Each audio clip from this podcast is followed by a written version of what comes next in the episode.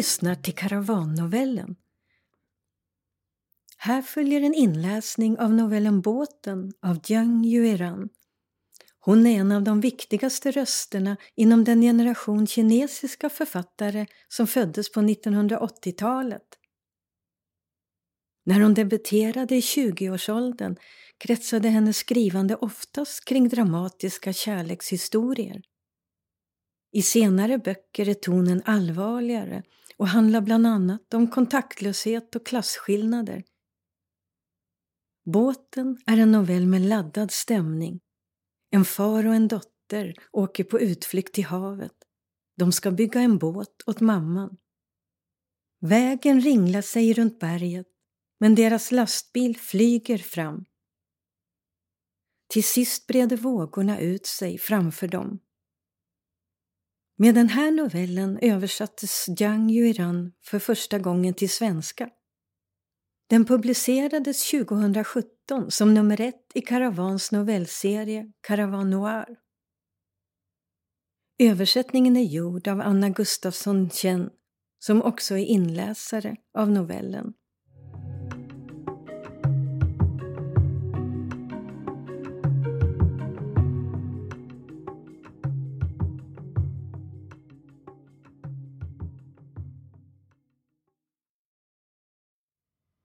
Båten av Zhang Yueran.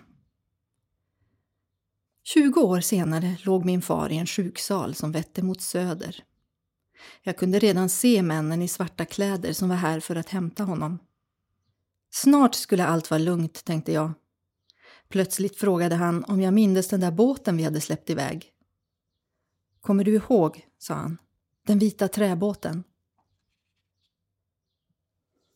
1. Hämta några leksaker, vännen. Pappa ska ta med dig på utflykt. Hoppa in i bilen nu. Sitt ordentligt. Bra. Stäng dörren. Nu åker vi. Vi ska långt bort. Vi ska bygga en båt.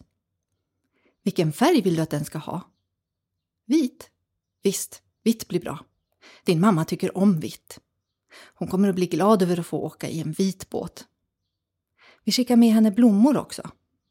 Ja, vännen, du får plocka dem. Det blir bra. Stranden vi ska till ligger alldeles nära ett berg och det växer krysantemer på sluttningen ner mot vattnet. Vi fyller hela båten med dem. Varför gråter du, vännen? Mamma sover där bak. Hon är full. Har du glömt det? Mamma är alkoholist. Hoppar runt i vardagsrummet i sin vita pyjamas hela dagarna. Hit och dit, hit och dit, som en galning. Men nu är hon lugn. Det är bra att hon sover ett tag. Kan du höra henne? Hon kan inte vara tyst ens när hon sover. Nej, knacka inte på där bak, vännen. Då väcker du henne. Vänd dig framåt. Prata lite med pappa istället. Om en stund ska mamma visa hur man simmar, så hon måste vila nu. Gråt inte, vännen. Du vet hur mycket pappa älskar dig. Ingen kan ta dig ifrån mig. Ingen, vännen. Vad säger du, ska vi ta och bygga ett sandslott på stranden? Som i de där sagorna du tycker om. Där bara vi två ska bo. Om vi dekorerar fönstren med snäckskal kan vi höra hur det susar i dem. Det låter precis som små djur. Eller hur, vännen? Jag visste väl att du skulle tycka om det. Lastbilen Lastbilen kanske är grå, kanske har den rostat. Sätena har höga ryggstöd med rödbrun klädsel som snabbt klibbar fast vid kläderna när det har regnat och är fuktigt. Fönstren är öppna och ett av dem är trasigt. Det liknar en gråtande kvinna som försöker dölja sitt ansikte. Regnet tränger in där och ner i en öppen svart läderväska. Varför tar det sig in här? Vad tänker det göra? Väskan är djup och regnet bara rinner och rinner ner i den. Det verkar ta längre tid än när det trängde igenom de tre lagren med moln. Ratten är sprucken. Någon elak unge har kletat smör på vindrutan.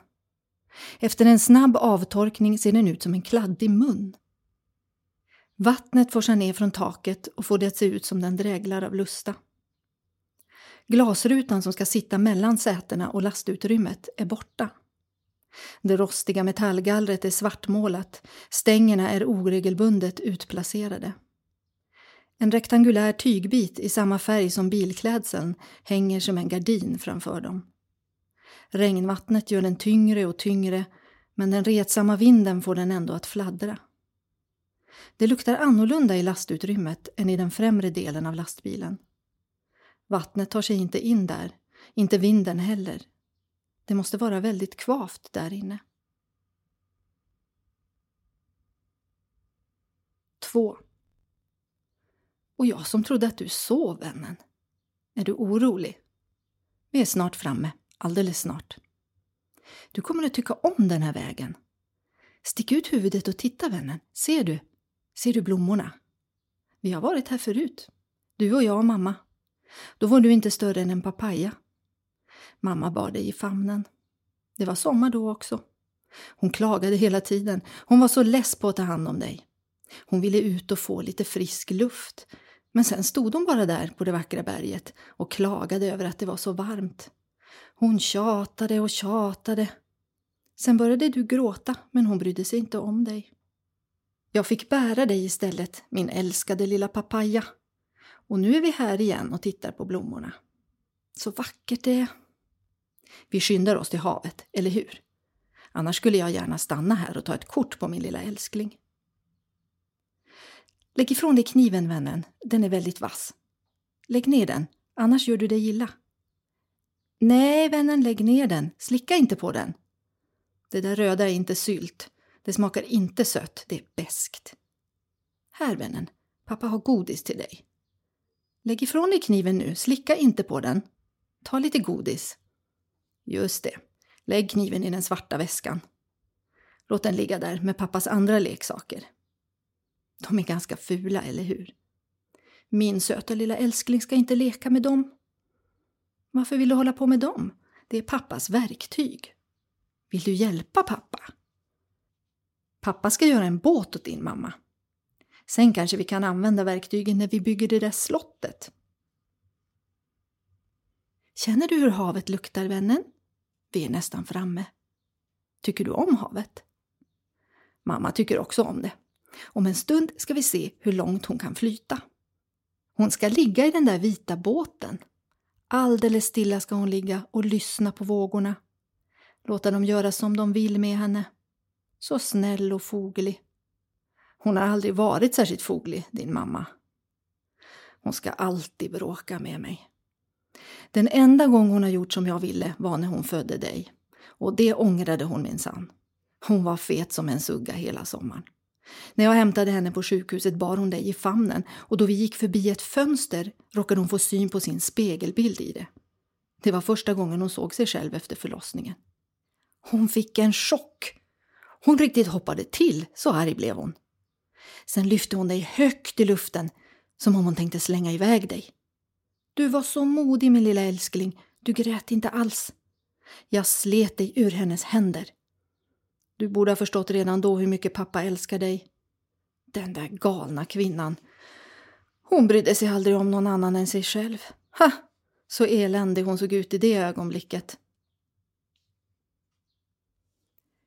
Vägen. Vägen ringlar fram runt berget, inte långt från havet. Berget har inget namn. Eller så har det alldeles för många. Varje resande hittar på ett nytt. Det växer blåklint nedanför det, på bägge sidor om vägen. De har en urblekt grålila färg, som den ostörda dimman tidigt en morgon om hösten. Ogräset är frodigt här i tropikerna. Det slingrar sig runt blomskälkarna som om det uppvaktar dem. När regnet kommer viker det sig ljudlöst och brer ut sig över marken lika oborstat som ögonbrynen på en fylltratt. Det här har aldrig räknats som någon särskilt naturskön plats, men folk brukade ändå komma hit. För hemliga kärleksmöten, för att kampa, för att dränka sig, för att råna någon, för att sova en stund, för att leta skatter. Det måste vara gravar som syns halvvägs uppe på sluttningen. De glimmar vita i skymningen. Det plaskar och stänker när regnvattnet rinner nerför bergssidan och slår mot de bleka gravstenarna. Vägen är inte så brant och man kan köra mycket fort. Ibland är det någon bil som tar en kurva lite för snävt, kraschar rakt genom räcket och river loss mängder med purpurfärgade krysantemer på sin väg ner. Det växer fram fjärilsvingar på dem när de svävar ut över dalen. Nu för tiden är området ofta öde. Alla de som hade hemliga kärleksmöten kampade, dränkte sig, rånade någon, sov en stund eller letade skatter kunde ju gå och ge namn åt andra berg. Och det gjorde de. Lastbilen flyger fram längs vägen. Vattnet som stänker upp är ovanligt varmt. En karamell med citronsmak faller ur förarens hand, ramlar ut genom en stor spricka i dörren och försvinner ner i dalen. Precis som fjärilarna, som de vilda blommorna. 3. Men vännen, gråter du fortfarande? Hör du, det regnar inte lika mycket nu. Vi är nästan framme. Lyft på huvudet och titta ut. Där är havet. Ser du så många snäckor som väntar på dig? Okej, nu kliver vi ur. Kom, hoppa ner nu. Kan du hålla den här väskan åt pappa, vännen? Ja, den är väldigt tung, det är den.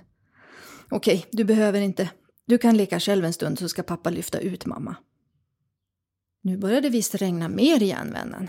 Kan du hämta pappas paraply? Det ligger i den svarta väskan.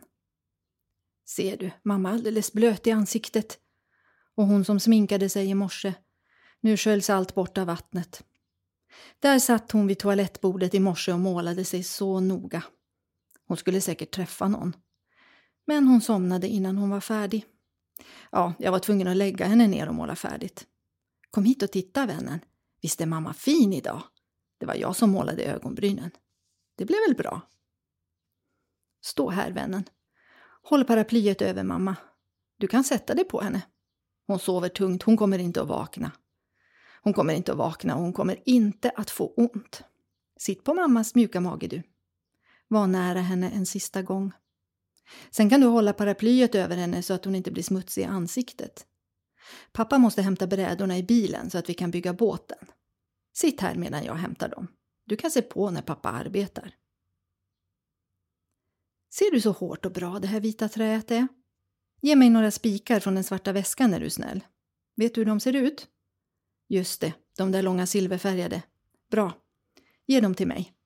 Nu spikar vi ihop brädorna. Nej, men vad gjorde du nu, vännen? Stack du hål i mammas klänning med spiken? Det är hennes finaste klänning, vet du. Hon skulle träffa någon idag. Det var därför hon tog på sig den. Och det är därför jag vet att hon tyckte mest om just den. Vem hon skulle träffa? Någon kar? Det var därför hon klädde sig så fint. Men hon fick ändrade planer, vännen. Hon kunde inte gå. Och nu har vi tagit med henne hit. Nu ska hon få simma. Den träffen blir inte av. Ha, vi vann. Men nu har du gjort hål i klänningen med spiken, lilla vilde. Tycker du inte om mamma? Jo, hon har varit en dålig kvinna, men nu är hon snäll. Se så mjuk hennes mage är. Vi måste förlåta henne, eller hur? Havet. Havet böljar i den regniga skymningen. Den här delen av oceanen brukar sällan störas, ligger oftast försjunken i djup sömn. Och när hon sover verkar vågorna inte så starka. Men när de vänder och vrider sig slungas hennes mardrömmar ut över världen. Hon älskar att sova i regnet och låta vinden kasta vågorna hur den vill. Hon älskar hur det får henne att känna sig ännu mer uppfylld av moderlig värme. Snäckskal kastas upp på sandstranden som vassa vapen. Här och där fläckas de av blod som de har stulit från något barns nakna fötter. Här har sanden samlats i höga dyner. Det hårda regnet har raserat djurens varma hålor. Havet dånar och brusar. Ett oavbrutet vrål stiger ur djupet av hennes själ, ett eko av de instängda döende. I detta ögonblick finns inget som skiner klarare än förtvivlan. Drömmande brer hon ut sig framför dem i regnet. Man kan inte se var hon slutar. Tunga klippor vilar på hennes hävande bröst. Slagen från hennes hjärta är skakande. Klipporna kanske vill agera, men de gör inget. Människor uppvaktar dem ständigt. Hur många föremål har kolliderat med de här stenarna? Fartyg i stormen, vilsna sjölejon, störtande helikoptrar, ett simmande barn. Hur många själar samlas i uppriktig bön framför dem, knuffas och stöts mot varandra. Havet begraver alla fotavtryck, stora som små. För havet är alla ljud, av trä eller metall, ett tyst sål i sömnen. Havet förstår inte vad som ska hända. 4. Har du sett vår nya båt, vännen? Visst är den vacker? Den passar väl perfekt för din kära mamma? Nej, kliv inte i. Den är för liten. Du får inte plats. Jag har gjort den åt mamma. Hon tycker jättemycket om den. Kom barn, res dig upp. Säg hej då åt mamma. Vi förlåter henne, eller hur? Trots att hon skämde ut oss. Men det är över nu. Ge henne en puss på kinden. Idag ska havet tvätta din fina mamma riktigt, riktigt ren. Då så vännen. Nu är mamma i båten. Ser du så lagom den är? Kom hit med blommorna. Lägg dem här. Titta, de passar ju jättebra ihop med hennes klänning. Kom, gå bakom mig. Vi ska följa henne ner till havet. Vilken vacker resa hon ska få. Hon ska simma under vattnet. Hon är en sjöjungfru, din mamma. Hon kommer alltid att finnas här. Vi behöver bara komma hit så hittar vi henne. Det är väl bra? Nu kan hon inte smita ifrån oss. Hon kan inte försvinna iväg med en massa karar och trycka sina läppar mot deras skägg eller kittla dem med sina små fötter. Havet ska hjälpa oss att vakta henne. Nu kommer hon bara att tillhöra oss. Hjälp pappa att knuffa ut båten. Vi gör det tillsammans. Och hej! Just det, böj på ryggen. Ta i nu. Ett, två, tre. Hej då! Säg hej då till mammavännen. Säg att du alltid kommer att älska henne. Ett, två, tre. Ta i och knuffa nu. Så där. Bra gjort min lilla sötnos. Adjö. Adjö min älskade.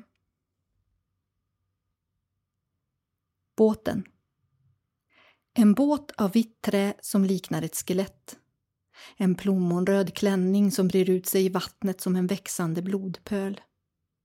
När båten guppar iväg mot havets mittpunkt verkar den lika lycklig som en duva som oväntat har släppts fri. Ni anar det inte, men det finns ingen famn mjukare än de här klipporna.